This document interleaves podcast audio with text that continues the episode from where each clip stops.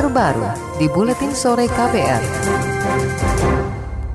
Saudara Menteri Pertahanan Menhan Prabowo Subianto mengusulkan pembentukan komponen cadangan sebagai sumber daya nasional untuk menghadapi ancaman militer. Untuk merealisasikannya, Prabowo akan menggandeng Kementerian Pendidikan dan Kebudayaan. Menurut Prabowo dalam gambaran yang dia rencanakan, sistem pertahanan negara dapat dibagi dua, yaitu secara militer dan non-militer. Prabowo menyebut pertahanan militer fisik berasal dari TNI, sedangkan komponen non-militer dari unsur lain seperti pelajar atau mahasiswa. Bagi contoh, kita harus kerjasama dengan Kementerian Pendidikan untuk menyusun komponen cadangan. Pendidikan, latihan, perwira-perwira cadangan, kemudian juga latihan-latihan uh, untuk komponen cadangan. Nanti akan banyak peran daripada Kementerian Pendidikan di SMA, SMA, bahkan mungkin sedini mungkin di SMP dan juga nanti di perguruan-perguruan tinggi. Menhan Prabowo mencontohkan di Amerika Serikat universitas menjadi salah satu penyumbang angkatan militer terbesar dibandingkan akademi militer. Kata dia perwira militer di Amerika 80 persennya berasal dari universitas, sedangkan 20 persen lainnya dari akademi militer. Prabowo menilai komponen cadangan yang disiapkan dari universitas bisa diandalkan lantaran mereka tergolong orang-orang terdidik. Komisi Bidang Pertahanan DPR mendukung usulan komponen cadangan yang digagas Menteri Pertahanan Prabowo Subianto. Menurut anggota Komisi Bidang Pertahanan DPR, Effendi Simbolon, komponen cadangan merupakan bentuk pertahanan Indonesia yang berasal dari seluruh komponen masyarakat.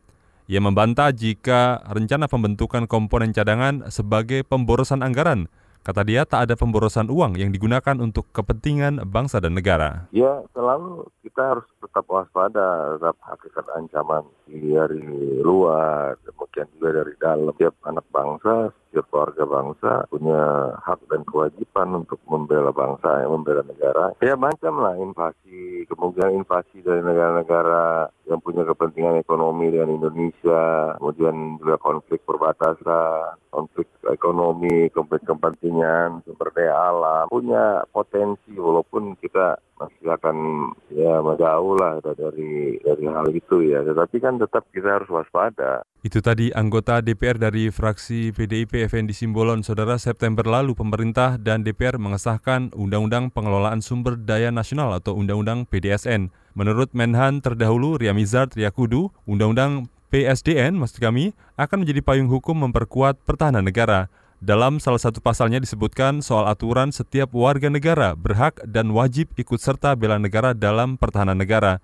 Ria Mizard pernah mengusulkan program bela negara namun rencana ini menuai polemik di masyarakat. Elemen mahasiswa menolak wacana pembentukan komponen cadangan untuk bela negara dari kalangan masyarakat sipil. Koordinator wilayah BEM Sejabodetabek dan Banten, Ervan Kurniawan menyebut jati diri mahasiswa adalah jiwa intelektual, bukan militer. Ervan menyebut pendidikan militer ada wadahnya sendiri dan mahasiswa punya caranya sendiri untuk membela negara. Lalu berikutnya kalau untuk sekolah khusus militer seharusnya ini dikembalikan kepada Akmil gitu, Akademi Militer. Karena itu ada khusus bagi siapa saja yang ingin masuk ke dalam militer. Tidak perlu diwajibkan, tidak perlu dipaksakan. Karena dalam bela negara kami bisa memilih jalannya masing-masing. Tidak perlu lewat jalur jalur militer. Koordinator Wilayah BEM Sejabodetabek dan Banten Ervan Kurniawan menambahkan bela negara ala mahasiswa bisa dilakukan dengan berbagai cara, di antaranya dengan pengabdian ke masyarakat serta melalui karya tulisan. Menurutnya adanya wajib militer akan menghilangkan hak masyarakat dalam bernegara. Dia menegaskan profesi masyarakat yang beragam tak bisa diseragamkan. Saudara Lembaga Pemantau Hak Asasi Manusia Imparsial menyatakan tak ada urgensi bagi pemerintah untuk membentuk komponen cadangan dari masyarakat untuk pertahanan negara. Wakil Direktur Imparsial Gufron Mabruri beralasan, saat ini Indonesia tidak sedang menghadapi ancaman militer dari negara lain. Gufron khawatir adanya komponen cadangan malah menimbulkan masalah lain, yaitu militerisasi warga sipil dan potensi penyalahgunaan kewenangan mencerminkan bahwa pemerintah kita, terutama Kementerian Pertahanan, tampaknya eh, tidak memiliki agenda prioritas ya dalam pembangunan sektor pertahanan kita gitu. Saya dalam situasi di mana komponen utama masih membutuhkan perbaikan, penataan dan penguatan, seharusnya kan itu yang diprioritaskan oleh pemerintah terlebih dahulu gitu daripada membentuk komponen cadangan. Gitu. Wakil Direktur Imparsial Gufron Mabruri meminta pemerintah menyelesaikan sejumlah persoalan non-militer seperti radikalisme dan kejahatan siber.